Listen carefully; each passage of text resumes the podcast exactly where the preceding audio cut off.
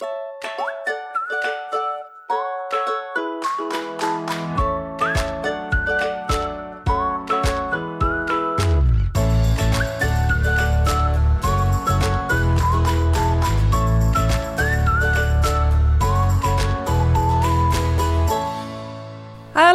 en welkom bij een nieuwe aflevering van de Wat ik wou dat ik wist podcast. De podcast waarin ik deel wat ik wel eerder had willen weten en verhalen vertel waar jij je als twintiger hopelijk in herkent. Als je vaste luisteraar bent, het klopt, vorige week was er eventjes geen aflevering. Ik had zo ontzettend veel dingen in mijn week gepropt dat het echt eventjes allemaal niet meer paste. Dus helaas moest de podcast toen plaatsmaken. Ik doe echt altijd mijn best om elke week een aflevering te maken, maar soms dan gebeuren dit soort dingen wel eens. Uh, vanaf nu gaan we natuurlijk weer met harde vaart vooruit. En ik ben er gewoon weer met een leuke nieuwe aflevering voor jullie. Namelijk over de jongere trends. Toen versus nu.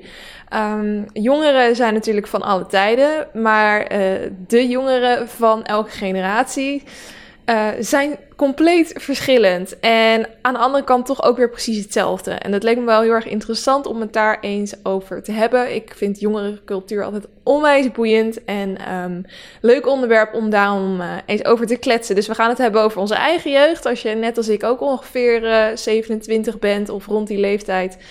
Um, de jeugd van de tieners van nu en misschien ook wel de jeugd van onze ouders. Dus dat komt er uh, zo meteen aan.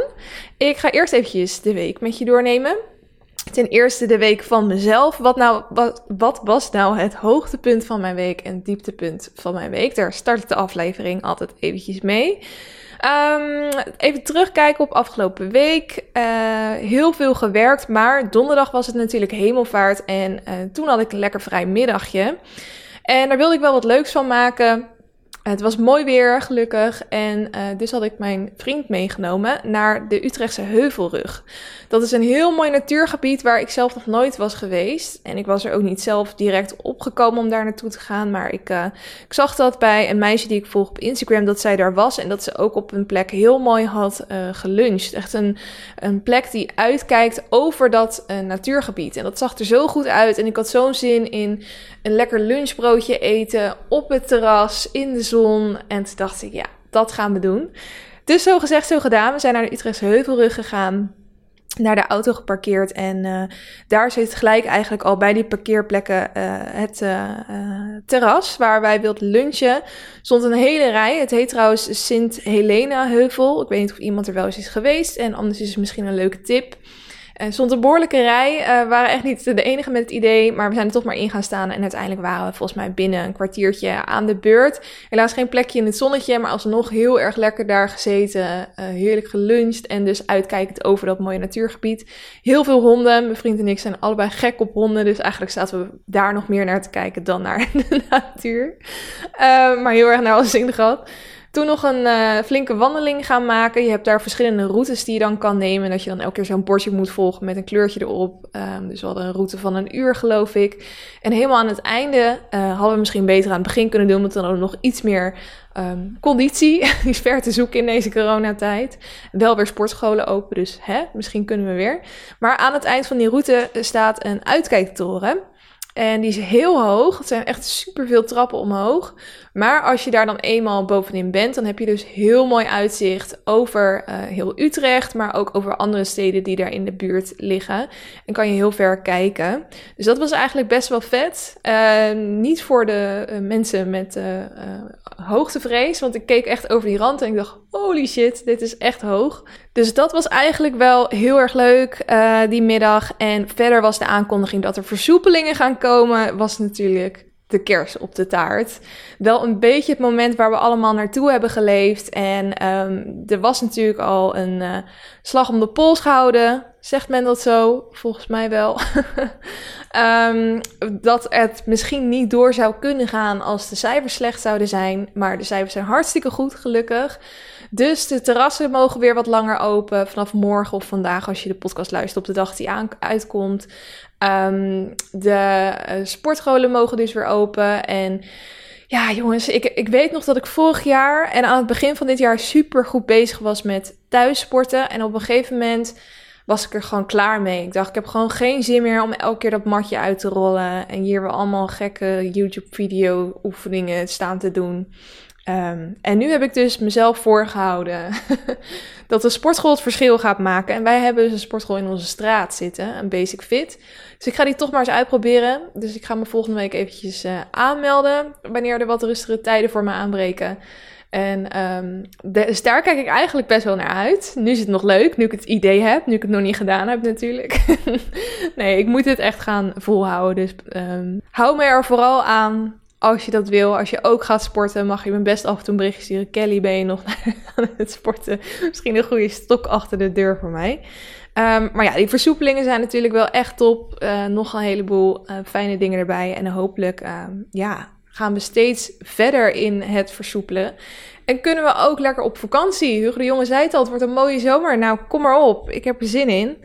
Um, dus dat was het hoogtepunt van de week. Uh, dieptepunt van de week is dat Bitcoin echt compleet is ingestort. Ik heb het wel eens eerder in een aflevering uh, genoemd. Misschien ga ik er ooit wel een hele aflevering over doen.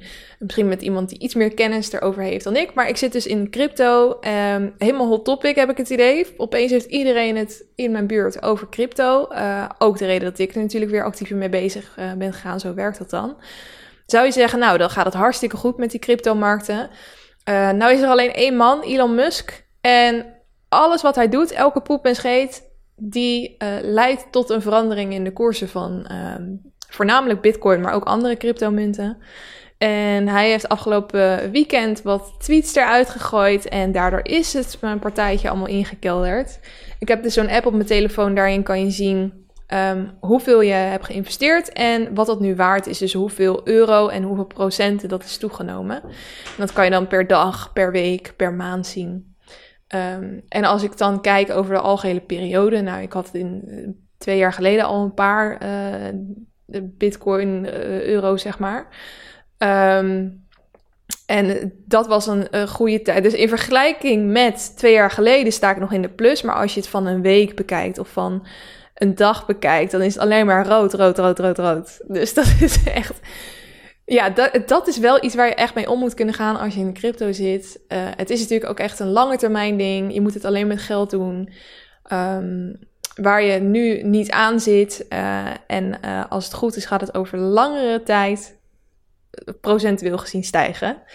Maar goed, het is natuurlijk wel ook een idealiteit voor mensen um, die er nog niet in zitten om in te stappen, omdat het nu allemaal heel laag is. Al denken sommige mensen natuurlijk weer dat het nog lager gaat zakken en dat blijft de eeuwige discussie.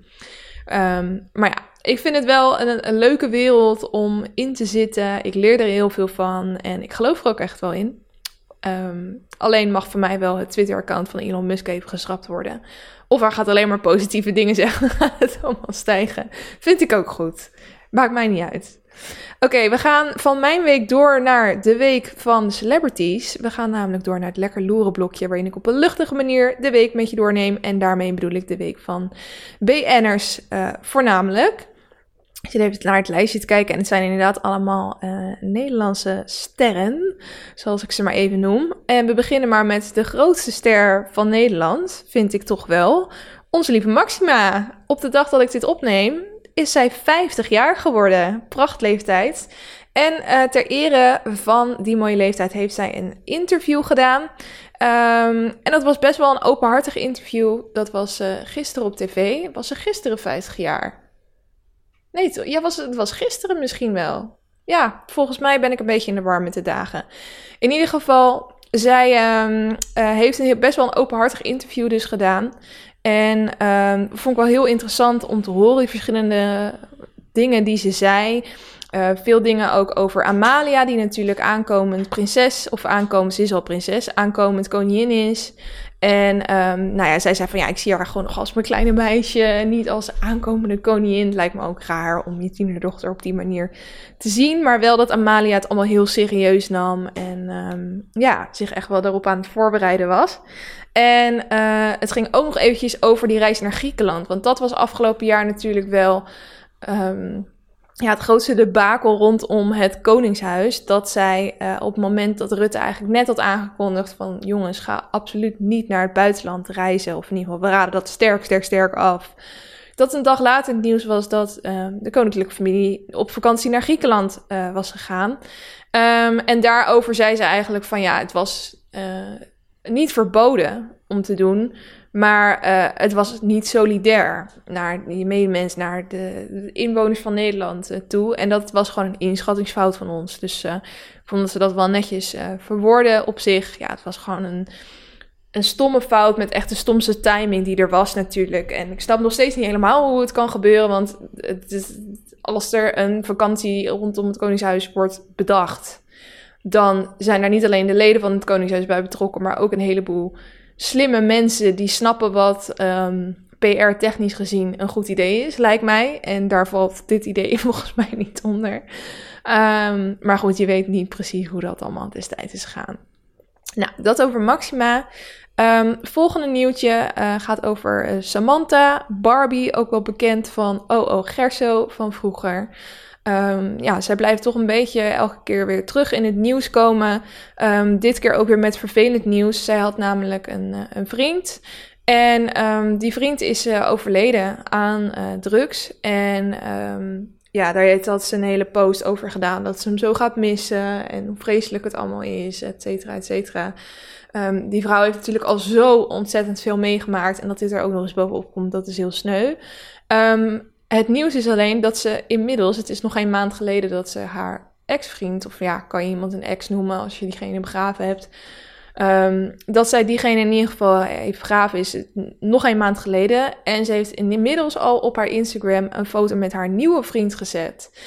Dus ze heeft alweer een nieuwe relatie en er staat ook zo'n tekst onder van... Maakt mij niet uit wat andere mensen zeggen. Uh, jij sleept mij overal doorheen. Jij bent mijn grote liefde, bla bla bla bla bla. Nou ja, het is nogal wat allemaal. En um, zij, er was ook, ik volg inmiddels een account, wat heel handig is voor dit blokje. Um, ik voelde ook wel een beetje klein beetje schaamte dat ik dat volg. het heet De Roddelloog. Misschien uh, ken je het wel. Gewoon het woord roddelloog erachter. En um, die plaatst dus elke keer post van BN'ers door als zij...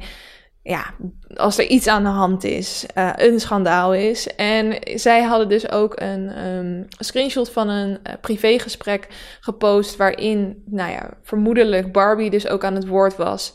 En waarin zij dus zei dat um, dat zij eigenlijk haar, haar ex-vriend dus de schuld gaf van... Ja, had hij maar niet naast mij een overdosis moeten doen... en naast mij zoveel drugs moeten gebruiken dat hij doodging, et cetera.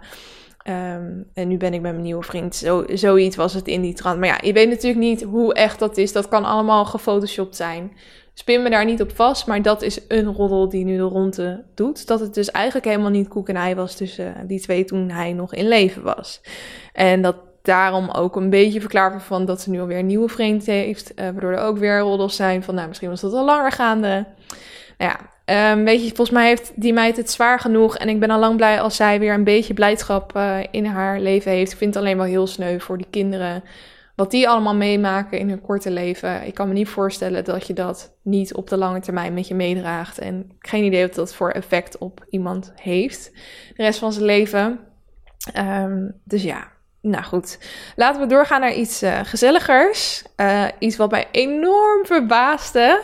En heel veel mensen in Nederland. Ik heb het over het programma Make Up Your Mind. En dat is een soort ja, make-up. Ik heb het hele programma niet eens gezien eigenlijk. Maar het is een soort make-up programma met uh, verschillende juryleden. En Nikki Tutorials, die zit er dus ook onder andere in.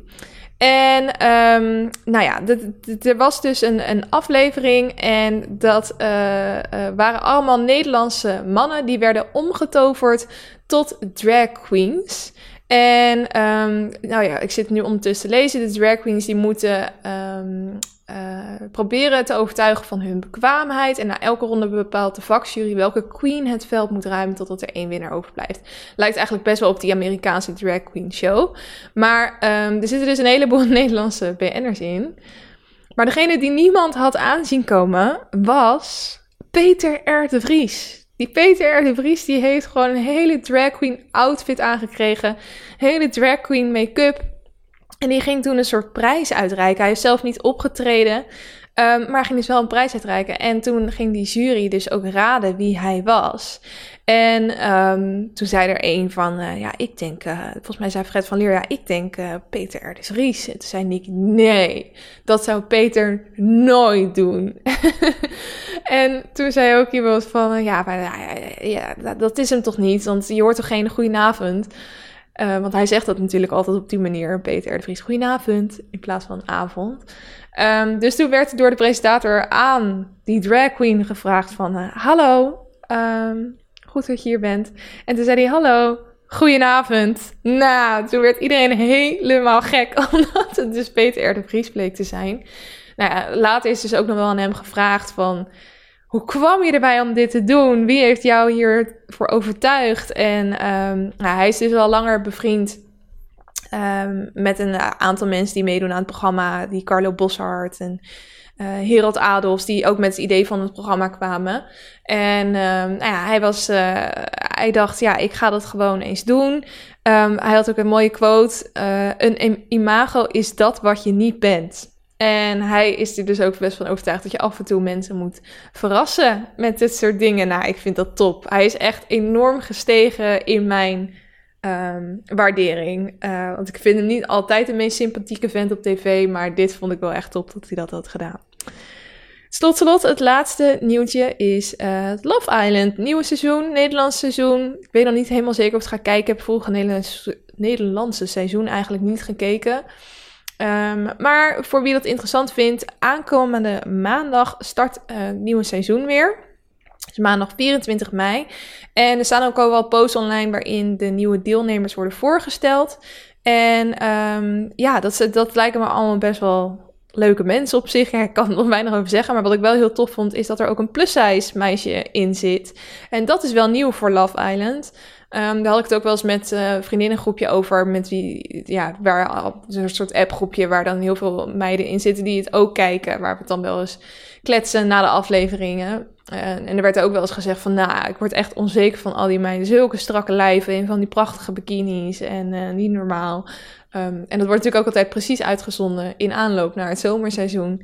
Dus het is eigenlijk wel heel goed dat er nu een plus meisje in zat. En volgens mij hebben ze dat ook wel gedaan door de kritiek die ze hebben gekregen. Dat er wel elke keer één soort vrouw daar zo werd gerepresenteerd. Uh, en niet heel veel anders dan dat. Dus dat uh, vond ik in ieder geval wel tof om te zien. Ik ga de eerste aflevering denk ik wel even kijken. En uh, ja, toch wel nieuwsgierig naar. Oké, we gaan door naar het elke elletje waarin ik lees, kijk. Oh nee, oh, ik deed mijn oude intro. Het heet helemaal niet meer het elke elletje. Het heet Lekker Leven. En in het Lekker Leven blokje geef ik je allemaal leuke tips om jouw leven leuker te maken. En dat kan dus een lees, kijk of luistertip zijn. Um, het kan ook een downloadtip zijn, een doetip zijn, een hotspot-tip zijn. Hopelijk komen die weer lekker veel aan nu we deze zomer meer dingen kunnen. Um, voor nu zijn het toevallig een lees, een kijk en een luistertip. Of eigenlijk meerdere van allemaal. Um, ik begin even met lezen. Nou ja, jongens, ik ben toch echt nog steeds bezig met het boek van vorige maand. Het is heel gênant om toe te geven misschien. Maar ja, deze maand is zo bizar druk voor mij op dit moment. Dus het komt er ook niet van om lekker rustig een boek te gaan lezen. Dus ik ben nog bezig met het onzichtbare leven van Eddie LaRue. Vind ik nog steeds uh, heel interessant. Maar hij is wel wat dikker dan ik had gedacht. En ik ben hem dus eigenlijk niet aan het lezen, maar aan het luisteren. Dus elke keer in de, in de auto een half uurtje. Of als ik ergens naartoe moet wandelen of zo, dan zet ik hem aan. Dus het is echt op die tussenmomenten dat ik hem uh, lees, dus aanhalingstekens. En wat het nadeel is, is dat als je een boek natuurlijk in handen hebt, dan zie je direct hoe dik die is, hoe ver je in het boek bent. Als je aan het luisteren bent, dan ben je daar helemaal niet zo mee bezig. En nu kwam ik erachter dat het volgens mij iets van ergens tussen de 10 en 14 uh, uur, volgens mij tegen de 14 uur uh, luistertijd aan zit. ik heb ook andere boeken geluisterd, via Storytel doe ik dat. En uh, die waren vaak maar zeven uur of zo. Dus ik heb het idee dat dit in het echt een heel dik boek is en dat ik daar gewoon niet goed op heb gelet. Maar daardoor ben ik er dus ook best wel lang uh, mee bezig. Dus uh, nou ja, ik vind hem dan wel heel st steeds heel interessant. Ik zal nog heel even kort zeggen waar die over gaat. Gaat over een um, meisje en in de jaren 1700 nog wat is zij geboren. Um, en op een gegeven moment dan moet zij dus gaan trouwen met een man. Dat wil ze niet. En dan sluit ze een deal met de duivel. En dat is dat zij eigenlijk um, onsterfelijk wordt. Uh, dat is niet per se direct wat ze vraagt, maar ze vraagt eigenlijk van ik wil nooit meer van iets of iemand uh, afhankelijk zijn. En hoe de duivel dat vertaalt is: oké, dan uh, dat je vloek is dan dat je voor altijd blijft leven. Maar ook dat iedereen jou vergeet. Want als, als jij niet wil dat andere mensen überhaupt invloed hebben op jouw leven, dan moeten ze jou ook niet meer kunnen herinneren. Dus elke keer als zij iemand ontmoet, um, op het moment dat zij zich een minuutje van haar afdraaien en ze draaien zich weer terug naar haar, dan herkennen ze haar niet meer. En op een gegeven moment ontmoet ze een jongen die haar dus wel herinnert. Maar dat is pas 300 jaar later, dat speelt zich in het heden af, in 2014. En die twee uh, verhaallijnen die lopen dus een beetje door elkaar heen. En je krijgt ook het verhaal mee vanuit jongensperspectief. Want waarom kan hij haar nou wel herinneren? Wat zit daarachter? Dus um, heel tof boek in ieder geval. En dan een kijktip. Ik heb heel veel gekeken. Ik heb natuurlijk Ferry gekeken, de film. Ja, ja.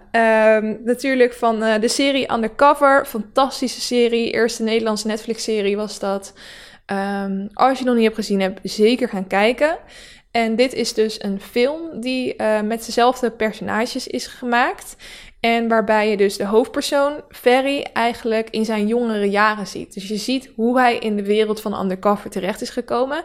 En ook hoe die Danielle zijn uh, vriendinnetje heeft ontmoet. En dat is dus, dus wel heel leuk. Ik kreeg ook van iemand de vraag: kan ik die film kijken zonder dat ik de serie heb gezien? Ja, dat kan. Het staat in principe los van elkaar. Is misschien juist wel leuk om eerst de film en dan de serie te kijken. Want aan het eind van de film dan merk je: oh, zo komt hij dus in die wereld terecht waar de serie oppikt. Dus dat kan eigenlijk best wel goed. Um, ja, en Elise Schaap, die speelt zo fucking goed. En diegene die Ferry speelt ook hoor. Die ene man van die C1000 reclames. C1000 reclames. Uh, van die supermarktreclame.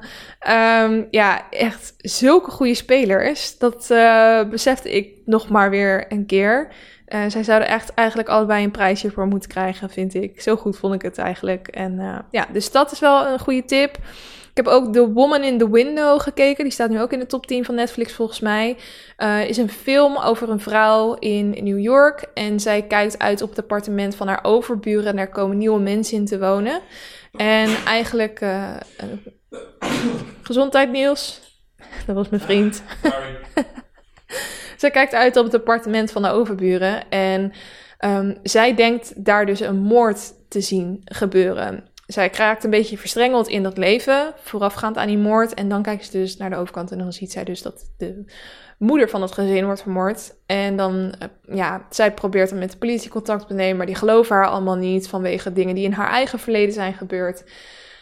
Um, ja, het is een beetje een, spannende drama slash uh, horrorachtige uh, thriller. Thriller is het goede woord voor deze film. Um, wel een beetje voorspelbaar misschien, maar kijkt wel lekker weg, moet ik zeggen. Dus die wil ik toch ook even genoemd hebben. En ik ben begonnen aan een serie, The Circle. Ik ga hem denk ik alleen niet afkijken, maar ik, ik zag er heel veel over online en ik was toch nieuwsgierig, want ik vind het concept wel heel interessant.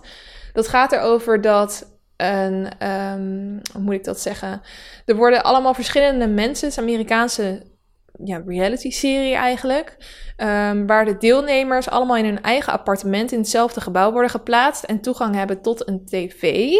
En die tv werkt eigenlijk als een soort chat-server. Ze kunnen daar een profiel aan maken en ze kunnen ervoor kiezen om een profiel op hun uh, realiteit, zeg maar, op zichzelf uh, te maken of een soort alter ego te verzinnen. Dus is bijvoorbeeld ook een vrouw die doet mee als haar man zijn en dan doet ze net alsof hij een, uh, een um, uh, alleenstaande vader is. Er is ook een oudere man, een auteur, die zich voordoet als een uh, jonge gay guy. Uh, maar de rest zijn ook allemaal mensen die het dus als zichzelf doen. En het doel is eigenlijk om je zo populair mogelijk te maken bij die groep. door middel van elkaar niet te zien, maar alleen te chatten via de, de circle, via die app dan die je op de tv hebt. En um, de mensen die populair zijn, die kunnen dan een iemand eruit stemmen. Nou, zo gaat het eigenlijk een beetje verder. Vond ik wel echt heel interessant. Alleen op een gegeven moment stoorde me het toch dat je hun bijna niet met, in het echt met elkaar ziet interacteren. Alles gebeurt via de tv. Dus eigenlijk kijk je naar mensen die kijken naar een tv door middel van wat ze met elkaar praten. En ja, ik weet niet. Het is. Uh, ik vind het wel, misschien ga ik hem nog verder kijken hoor, want het is wel echt heel interessant. Maar het deed hem toch ook niet helemaal voor mij. Maar ik wil hem toch eventjes noemen als het eh, concept je aanspreekt. Dan kan je het zelf ook een kans geven. En tot slot, een luistertip. Ik heb heel veel nieuwe muziek ontdekt. Ehm, een nieuwe artiest, Rule, R-U-E-L. Die is in Amerika al een tijdje best wel bekend. Painkiller is zijn grootste hit. Die kwam twee jaar, geleden uit. Het is echt wel heerlijke poppy muziek. Zijn stem doet me ook een beetje aan Justin Bieber denken. Um, en zijn nieuwste hit is Distance. Die heb ik ook geluisterd. Die vond ik ook best wel vet. Dus Rule is dat. Ook een hele knappe blonde jongen trouwens. Als je dat leuk vindt om uh, op je beeldscherm te zien. Een ander is Vrouwtje. Dat is een, Nederlandse uh, jonge vrouwelijke artiest. En ik kwam haar al een paar keer tegen op TikTok. Want zij uploadt wel eens stukjes dat zij aan het uh, zingen is. Gewoon in de slaapkamer volgens mij. En dat wordt dan best wel opgepikt. En um, haar, zeg maar, als je zingt, kan je natuurlijk ook iemand anders geluid. Zij, zij, dan kan je het geluid van haar video gebruiken. En dan gaan mensen daar weer op playbacken en zo. Dus dat geluid ging volgens mij ook een beetje viral. En zij heeft inmiddels ook een 3FM Talent Award gewonnen. Um, als je een nummer voor haar gaat luisteren, dan zou ik het nummer Heb ik dat gezegd luisteren. Die vind ik het leukst. En die komt je misschien ook het bekendst voor. Want het gaat van uh, Goedemorgen, mijn zon. Nou ja, misschien uh, ken je het wel ergens van. ik ga het niet nog een keer zingen. En andere nummer is Olivia Rodrigo met Good For You. Zo, Olivia Rodrigo, ja, dat, uh, dat hebben jullie natuurlijk wel meegekregen toen het nummer Driver's License uitkwam. Toen heb ik daar heel veel in podcast over gedeeld en op mijn Instagram. Ik vond dat een fantastisch nummer. Dat ging toen keihard viral. En nu heeft dus weer een nieuw nummer. Good for you. En hierin is ze zeg maar in de boze staat. Dus ze was bij Driver's License was ze heel verdrietig over het feit dat de relatie uit was gegaan. En um, nu is ze een soort van boos van hoe kan jij nou zo oké zijn terwijl ik hier helemaal in stukjes op de grond ligt. En het deed me bijna een beetje aan de vroegere Avril Lavigne vibes denken. Hoe zij aan het schreeuwen is in die clip en zo. Niet echt schreeuwen, gewoon poppy schreeuwen, weet je wel. Gewoon lekker schreeuwen, dat je ook gewoon boos wordt voor haar. Dus dat vond ik een heel vet nummer. En een ander nummer dat nu op één in trending staat op YouTube is van Bella Porch. En dat nummer heet Build a Bitch. Zij is een nieuwe artiest. Ook bekend van TikTok. Ja, ja, jongens. Het, blijft een soort uh, rode lijn in mijn podcast. Um, haar achternaam spel je als P-O-A-R-C-H. Maar zij heeft de meest gelikte TikTok-video ever, volgens mij. Zij is dan met haar hoofd aan het meebewegen op een deuntje. Hoe kan ik dit uitleggen? Zij is, ja, ze is eh, gewoon aan het meebewegen, aan een soort aan playbacken, maar dan heel expressief met haar gezicht aan het bewegen. En de camera die trackt soort van haar gezicht. Ik denk dat dat de beste uitleg is die ik voor je heb. Um, en zij kan dus blijkbaar ook heel goed zingen en muziek maken. Heel chill nummer, Build a Bitch. Vond ik ook een hele grappige clip. Want je kent natuurlijk wel Build a Bear. Het is in Amerika zo'n ding dat je dan ergens naartoe kan... en dan kan je zelf een soort beer in elkaar zetten. En ja, nou dus titel spreekt op zich, a Bitch. Dan wordt zij dus soort van in elkaar gezet. Dus dat is wel grappig. Dat was een hele lange eerste helft van de aflevering. Um, we hebben het hoogtepunt en dieptepunt van de week gehad. Lekker loeren blokje, het lekker leven blokje. En dan gaan we nu eindelijk door naar het hoofdonderwerp. Ik wil het met je hebben over jongere trends. Jongere trends van toen versus nu. En hoe ik hierop kwam, ik zat een, uh, met mijn vriend een Doe Maar documentaire te kijken. Doe Maar is natuurlijk een hele bekende uh, popgroep, band, hoe, je het ook wil noemen, van de jaren 80, misschien begin 90 nog, voornamelijk jaren 80 wel. En um, wij zaten dus Ferry te kijken en in de laatste scène hoor je dus um, Doris Day, dat nummer op de achtergrond. Het is een film van Doris Day. Nou ja, zo gaat dat nummer. En wij keken elkaar aan en zaten zo, oh, van wie is dit nummer ook alweer? En toen ging het opzoeken, oh ja, van Doe Maar. En toen zette Niels dus een documentaire aan over Doe Maar uh, zomaar opeens. En daar raakten we soort van allebei in verzeld. En die hebben we bijna helemaal gekeken. En ja, ik kende die muziek wel, maar geen idee hoe die mensen van Doe maar eruit zagen. Of wat voor effect zij in de jaren tachtig hadden op jongere cultuur. Nou, dat effect blijkt enorm te zijn. Je zag echt in die documentaire hysterische meiden die dan binnenrenden in die podiacentra um, met ook hoe ze eruit zagen. Hadden ze van die uh, mullets, weet je, dat is nu ook weer opeens een ding. Um, dat mensen hun haar zo met zo'n matje knippen, weet je wel. Met van die mullets hadden ze allemaal. En ze hadden van die felroze plastic oorbellen. En allemaal gekleurde oogschaduw op. Je zag gewoon heel anders uit. Maar typisch jaren 80 eigenlijk. Maar dan gewoon 15, 16-jarige meisjes ongeveer. Nou, die renden dan naar binnen, die stonden helemaal vooraan. Die werden dan geïnterviewd van, ja, hoezo ben je zo'n fan van Doe Ja, ik vind ze gewoon echt heel erg knap. Nou, dan zag je ondertussen zo'n shot, shot, van die band. Die hebben een soort gekke eyeliner op en die um, hebben hun haar ook in een soort mullet geknipt. En de kleding die ze aan hebben, nou, je zou in deze tijd misschien compleet voor gek staan. Maar die meiden waren helemaal hoog tot de botel. Ja, ze zijn zo knap. En hun muziek, dat raakt me gewoon echt. Zij doen echt, ze zijn anders dan anderen. En nou ja, gewoon elk ander tienermeisje in wat voor jaartal dan ook, die zou vragen om waarom ze fan is van haar favoriete band. Gewoon dat antwoord. dat vond ik gewoon heel grappig. Want het was, ja, ik weet niet. Aan de ene kant stond het zo ver van me af. En aan de andere kant was het ook weer zo herkenbaar. Um, ik moest ook gewoon terugdenken aan mijn eigen jeugd. Ik ben ook een fase gehad dat ik enorm fan was van specifieke boybands. Volgens mij heb ik het wel eens eerder in de podcast genoemd, maar ik was fan van een boyband uit Engeland en dat heette dan McFly. Het waren ook vier jongens en die kwamen één of twee keer per jaar. Die hadden, dat was wel, zij beseften wel dat zij ook best wel groot succes hadden in Nederland. Ze kwamen wel vaak naar Nederland en ik ben volgens mij drie keer naar een concert van hun geweest of zo. En dan stonden we ook wel eens een paar uur in de rij. En dan t-shirts maken en nou, weet ik veel allemaal. En ik voelde me ook echt zo als die meisjes in die docu over Doe Maar, maar dan over die boyband McFly. Dus aan de ene kant herkende ik het heel erg, het was echt diezelfde gekte. Maar wij zagen natuurlijk weer compleet anders uit. Wij hadden hele lage heupbroeken. Um, weet je nog die trend dat je shirt over shirt over shirt heen aan had. En eigenlijk was dan het liefst de bovenste laag was dan een t-shirt en de onderste laag was een shirt met lange mouwen. En dan had je onderin had je dan op een gegeven moment dus drie lagen over elkaar heen en dan zorgde je ervoor dat van elk shirt dan één laagje zo te zien was op je heupen hele rare trend. Maar goed, dat hadden wij dan. En dat je je haar zo plat mogelijk ging stijlen. Dat je mascara laagje over laagje over Dat je van die spinnenpoten kreeg. Nou, dat is hoe wij eruit zagen. Dus aan de ene kant zag ik soort van mezelf in. Aan de andere kant helemaal niet. Uh, en dat deed me dus een beetje nadenken over, ja, wat, wat voor... Um, ja, het verschil tussen jongeren in verschillende um, jaren, jaargetijden, jaren 80, jaren 90, de zero's, nu. En uh, ook bijvoorbeeld over rages. Dat was natuurlijk ook echt. Dat was eigenlijk echt een jaren 90 ding, maar misschien ook wel eigenlijk van elk jaargetijde.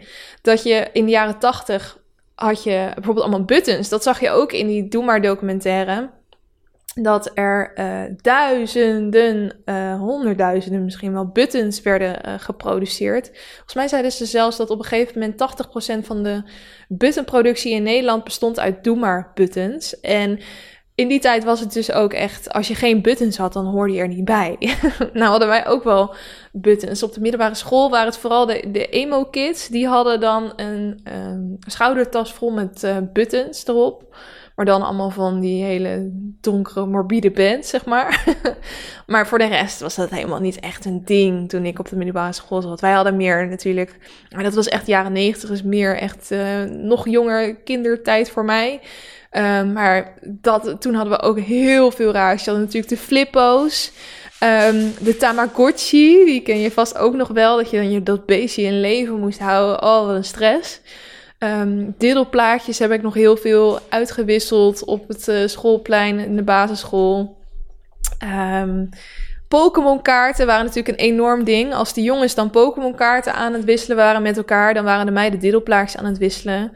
En dan had je ook weer bepaalde diddelplaatjes die dan alleen in Duitsland verkrijgbaar waren. En als je die had, nou, dan, uh, dan was je de bom hoor op het schoolplein. Die had ook van die klaparmbanden. Ken je die nog? Dat was dan gewoon een recht staafje. Ja, hoe moet ik dat zeggen? Een soort lange Jan, zeg maar. Dat is ook oldschool. Een soort lange Jan. En die sloeg je dan tegen je pols aan. En dan klemde die zichzelf zo eromheen. Dat was een ding. En... Diddelplaatjes. Ja, die heb ik al gezegd. Ik heb al diddelplaatjes gezegd. Met geur. Ja, had je ook. Dat waren hele speciale met geur, zegt hij. Ja, dat ook inderdaad. Ehm, en ik zat zo terug te denken van ja, jaren 90, dat was echt de tijd van de raasjes. Maar misschien is het ook wel van alle tijden uiteindelijk. Want je hebt nu net zo goed raasjes. Want ehm, mijn, de kinderen van mijn broer en zus, die zijn allemaal onder de tien. En ehm, die komen ook wel eens met dingen waarvan ik denk, waar, dat dan blijkt dat dat op hun schoolplein een enorme rage is. Je had vroeger natuurlijk, nou vroeger, een paar jaar geleden had je de fidget spinner. Dat ding dat je dan tierenleer moest geven en dan draaide die heel hard, uh, hard rond. Wat trouwens leuk is, ik zat een beetje onderzoek te doen voor deze aflevering. En toen googelde ik dus op fidget spinner. En dat moet je echt een keer doen, want um, dan komt er dus letterlijk een fidget spinner in beeld op Google. En dan kan je dus klikken en dan gaat hij dus harder draaien. En dan kan je ook zeggen hoe, hoe vaak je hem harder wilt draaien. Nou ja, best wel grappig. Soms doet Google van die random dingen uh, en dan ontdek je dat opeens. Um, maar niet alleen de fidget spinners, ze hebben nu ook de Pop-It Fidget. Ik voel me echt een beetje oud dat ik zo. Oh, ze hebben de Pop-It Fidget. Uh, maar dat is dus een. Uh, en, ook een, een soort tool. Nou, tool, het is een speelgoed eigenlijk. Met allemaal felle kleurtjes. En dat um, doet het idee van bubbeltjes plastic na. Dus je, dus je hebt allemaal bolletjes eigenlijk die je in kan drukken. En dan komen ze er aan de achterkant dus weer uit. Dus dan draai je hem om en dan kan je ze weer allemaal indrukken. Nou, dat is dan nu dus blijkbaar een heel ding. Iedereen wil dan een pop-it fidget hebben. Dus ja, misschien zijn raasjes ook wel van alle tijden. En is het gewoon puur dat je zo'n vaste, harde herinnering hebt, omdat ja, jaren 90 onze kindertijd was en kinderen natuurlijk wel echt het meest met dat soort raasjes bezig zijn. Wat wel nu natuurlijk heel erg veranderd is als je kijkt naar generaties. Um, en het verschil tussen jonge trends is de komst van het internet.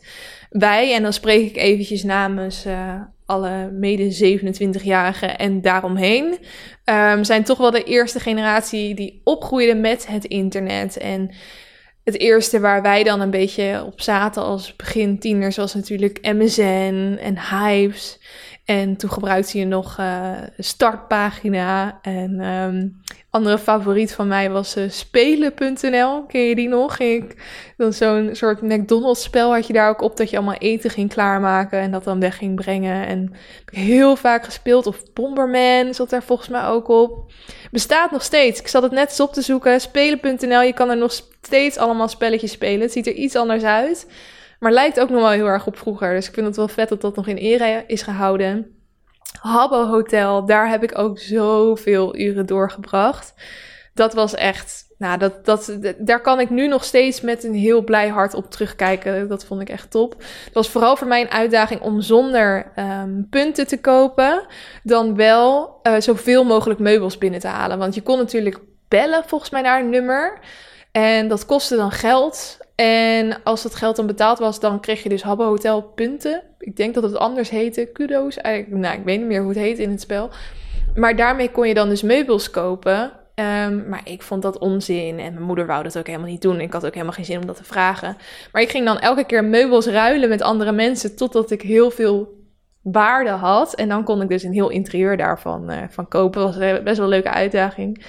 En um, als we het dan ook over jonge trends hebben, dan komt er natuurlijk ook taal bij kijken. Dus op MSN uh, weet ik ook dat je allemaal taal had. Weet je, dat je dan een hoofdletter en een klein letter en dan weer een hoofdletter en dan weer een kleine letter had. Maar ook hoest, allemaal van die afkortingen. WNMK, HVJ. Al die afkortingen. Dat, en weet, de huidige kinderen die weten niet eens waarom wij die afkortingen allemaal gebruikten. Dat was omdat je vroeger uh, sms'jes kon sturen, maar je betaalde, uh, je had x aantal tekens per sms'je en je betaalde voor elk sms'je. En daarom moest je dus wel met afkortingen werken, want anders werden je sms'jes veel te lang en dan kost het je meer geld. Geen idee of de kinderen van nu dat überhaupt weten. Um, nou, dat, dat was natuurlijk een beetje de, de, begin van de internetperiode. En uh, wat ik ook wel heel interessant vind, is dat dat de periode was dat de eerste memes ontstonden. En ik denk dat dat ook het punt is waar onze ouders ons een beetje kwijt zijn geraakt. En het grootste gat ontstond. Want ik ben nog geen enkele ouder tegengekomen die echt goed begrijpt wat een meme is. Dat is gewoon niet uit te leggen als je het niet zelf vaak tegenkomt of gebruikt.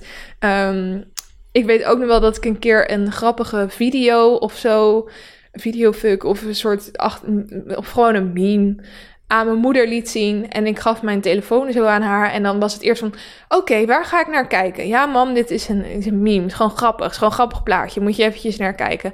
Oké, nou eerst de bril zoeken. Overal had ze eindelijk die bril te pakken. Maar wie is dit dan? Stond dan een random persoon op met een tekstje onder. Ja, weet ik veel wie de persoon is. Nee, mam, daar gaat het niet om. Het is gewoon grappig. Lees, lees nou de tekst erbij. Kijk nou naar dat plaatje. En dan ging ze dus de tekst zo hard op voorlezen wat er dan in beeld staat. Ik snap het niet. dan moet je dan uitleggen. Nou, grap uitleggen is natuurlijk nooit leuk. Um, ja, de memes, dat was ook echt die tijd. En het was de tijd van de eerste klassiekers op YouTube. Bijvoorbeeld de YouTube-video Charlie Bit My Finger. Die kennen we denk ik allemaal wel. Die is echt uh, honderden miljoenen keer bekeken op YouTube. En wat wel interessant is, is dat die video nu geveld wordt. Dat was vandaag in het nieuws. Dat um, ja, de, de, de, de maker van die video is dat dan, denk ik. Die heeft het uh, in de verkoop gezet. Die gaat dat veilen. En als jij dan dus de winnaar bent van die veiling, dan um, krijg jij dus het recht op die video. Dan krijgen ze volgens mij een code, unieke code waarmee alleen zij die video dan kunnen bekijken. En dan wordt het origineel dus ook echt van YouTube afgehaald. De, de klassieker, die wordt van YouTube afgehaald. Nou ja, zo dramatisch is het niet, want er zijn natuurlijk al zo ontzettend veel kopieën van gemaakt. En het is niet dat die hele video direct van internet af is. Want als we weten allemaal, als iets eenmaal op internet staat, dan kom je er niet meer vanaf. Um, dus het is ook weer heel raar. Dat is ook wel iets van deze tijd. Dat we gewoon internetdingen gaan verkopen. Internetklassiekers. De eerste tweet ooit, die is ook verkocht, volgens mij. Heel gek, maar ook wel weer heel grappig, vind ik. En um, het, was ook, als we het dan over YouTube hebben, de eerste bekende YouTubers, Shane Dawson, Smosh, Nigga Higga, dat was ook natuurlijk allemaal in die tijd. Kanalen waar je nu bijna niks meer van hoort eigenlijk. Um, of die al lang gecanceld zijn door dingen die ze in die tijd deden, die toen nog wel konden, maar nu niet meer kunnen. Uh, Shane Dawson is daar natuurlijk een goed voorbeeld van. Maar ja, ja, dat was wel die tijd. Nou, daarna kwam natuurlijk de ontwikkeling van allerlei andere soort apps. Van Instagram, van Snapchat, van TikTok. En um, ja, ik denk dat die, die eh, de opkomst van het internet jongerencultuur wel enorm heeft veranderd. Niet alleen um, onze, hoe het was in onze jeugd, in vergelijking met die van onze oudere broers of zussen of die van onze ouders, maar ook um, onze jeugd in vergelijking met die van de huidige jeugd. Want um, wat je ook wel heel veel ziet, is dat die jongeren van nu alles leren via internet. Ik weet nog wel dat als ik iets niet snapte in mijn wiskundeboek, dan moest ik dat aan iemand vragen of aan mijn leraar of ik kreeg uh, bijles van iemand of whatever. Maar ja, je kon verder nog niet zo heel veel met het internet. YouTube bestond misschien al wel, alleen daar deden we nog niet zo heel veel mee. En uh, nu hebben die kids gewoon. Er zijn bepaalde namen, ben ik achtergekomen. Op YouTube van uh, wiskundedocenten, Engelsdocenten. Die gewoon een kanalen hebben waar de video's duizenden keren van worden bekeken. Um, omdat zij dus bepaalde wiskundeproblemen, of wat voor vak het dan ook is, heel goed uit kunnen leggen in hun uh, YouTube-video's. En um, dat zijn dus een soort van de helden van die jongeren. Omdat zij via YouTube dus gewoon uh, een soort bijles krijgen. Maar ja, niet alleen dat, natuurlijk ook gewoon make-up les. En wat er, wat er trending is qua kleding, hoe je dingen moet combineren. Kiddo's leren nu alles via uh, internet. En wij, oh, het klinkt zo oud allemaal, hè, als ik het zo ver ga, vergelijken. Maar ja, wordt ook oud. Bijna 30 jongens. ik word volgende week, is het volgende week? Het is nu 18 mei. Ik word 2 juni, word ik 28. Op een gegeven moment dan kan ik deze podcast niet meer voor twintigers maken, jongens. Dan wordt het de podcast voor dertigers. uh, maar in ieder geval, wij moesten het leren van hoe je make-up moest doen van een Cosmopolitan blaadje. Of hoe je um, je moest kleden of whatever. Dat haalden wij dan daaruit. En uh, bijles, ja, dat was gewoon in de schoolboeken natuurlijk. Maar die jongeren van nu, ik heb het idee dat ze er ook veel volwassener uitzien dan hoe ik er rond die leeftijd uitzag. Dus bijvoorbeeld, laten we het hebben over 12, 13. 12, 13, 14 misschien nog net. Ik zag er niet uit. Ik wil foto's uit die tijd echt verbranden. Nou, mede doordat ik dus hele heftige acne had in die tijd, wat ik uh, in de aflevering van vorige keer vertelde. Um, maar ook door wat ik droeg en hoe mijn haar zat en hoe mijn make-up zat. En ik weet, het is altijd uh, een beetje beschamend om terug te kijken naar oudere foto's van jezelf. Maar ik kan zelf zien dat in die tijd ik er gewoon niet, zelfs ook, ook in die tijd zag ik er gewoon niet goed uit in vergelijking met anderen.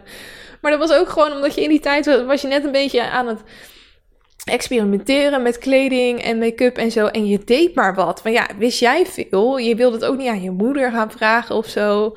Um, je, dus je ging met vriendinnen maar een beetje uitvogelen wat je dan moest doen. Wij hadden geen YouTube-tutorials van Nikki tutorials die helemaal tot in de treuren uitlegt hoe je moet blenden of een smoky eye moet doen of de perfecte eyeliner zet. Wij deden letterlijk maar wat. Um, dus wat dat betreft uh, had ik in die tijd op zich wel YouTube willen hebben. Dan had ik er misschien iets beter uitgezien. Maar het heeft ook wel weer wat schattigs, toch? Je, je moet ook zo lang mogelijk kind blijven natuurlijk. En ik vind het ook soms wel shocking hoe volwassen sommige uh, kids van 12 of zo er inmiddels al uitzien. Dus ja, alles heeft weer wat. Maar goed, ja, waar het op neerkomt is dat ik jongere cultuur gewoon altijd heel erg interessant heb gevonden. Um, en dat ik ook, ik beschouw mezelf nu niet meer echt in die categorie, wel ietsje ouder dan dat. Ik moet nu misschien wel toegeven dat ik volwassen ben. Um, uh, maar juist omdat ik het dan dus zelf niet meer ben, voel ik heel erg de behoefte om te blijven weten waar jongere generaties mee bezig zijn. Ik wil gewoon alles blijven snappen. En een paar jaar geleden kwam ik dus ook een artikel tegen van hoe jonge tieners uh, Instagram gebruiken, bijvoorbeeld. Vond ik rete interessant. Wat daar bijvoorbeeld in stond, is dat als je een. Uh, Instagram-post plaats als jonge tiener zijnde, dat je dan, als je die foto plaatst, bijvoorbeeld met je, um, gewoon een selfie van jezelf, dat je dan de mensen die jij het allerleukst vindt, dus je beste vriendinnen, misschien je crush of whatever, die tag je in die foto. Ook al staan zij er niet op, die tag je in die foto. En het is dus heel erg belangrijk welke mensen jij kiest om daarin te taggen. En dat kan ook weer hele drama's op school opleveren. En de plaats is ook nog eens heel erg belangrijk, want als je iemand in je oog tagt, dan is dat je allerbeste vriendin. Maar tag je iemand op je mond, dan is dat jouw crush. Want je wil met diegene zoenen. dat is toch grappig. Er worden hele boodschappen verteld door middel van het taggen in Instagram selfies. En deed mij heel erg denken aan MSN-namen. Want daar moesten dan ook al je vriendinnen in staan. En als je dan ruzie met iemand had, dan haalde je dan die naam eruit. Of dan deed je een soort gebroken hartje in die plek of zo. Zo dramatisch.